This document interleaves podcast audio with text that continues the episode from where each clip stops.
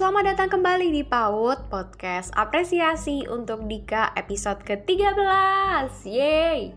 Udah episode 13 dan saat ini aku mau membahas um, alasan kenapa Dika itu spesial dan aku pengen banget belajar buat bisa kayak Dika.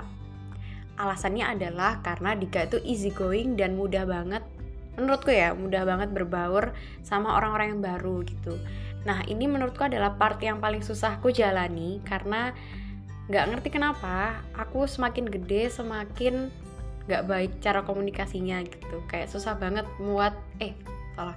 Susah banget buat mau jalin komunikasi sama orang-orang yang baru. Pasti kayak butuh waktu gitu loh. Paling 2 sampai tiga kali ketemu baru bisa ngobrol dengan lumayan akrab gitu nggak bisa yang langsung kayak akrab banget gitu nah sedangkan kalau aku lihat dari kamu tuh dengan mudahnya ini kalau dari kacamata aku ya kayak dengan mudahnya kamu itu uh, bisa membaur dengan orang-orang yang baru gitu kayak kamu bisa buat jokes-jokes yang dadah kamu bisa buat jokes-jokes yang masuk gitu loh buat semua orang dan itu keren banget dan semoga aku juga bisa belajar banyak dari kamu dan kamu juga bisa semakin belajar untuk mengembangkan diri. Yeay!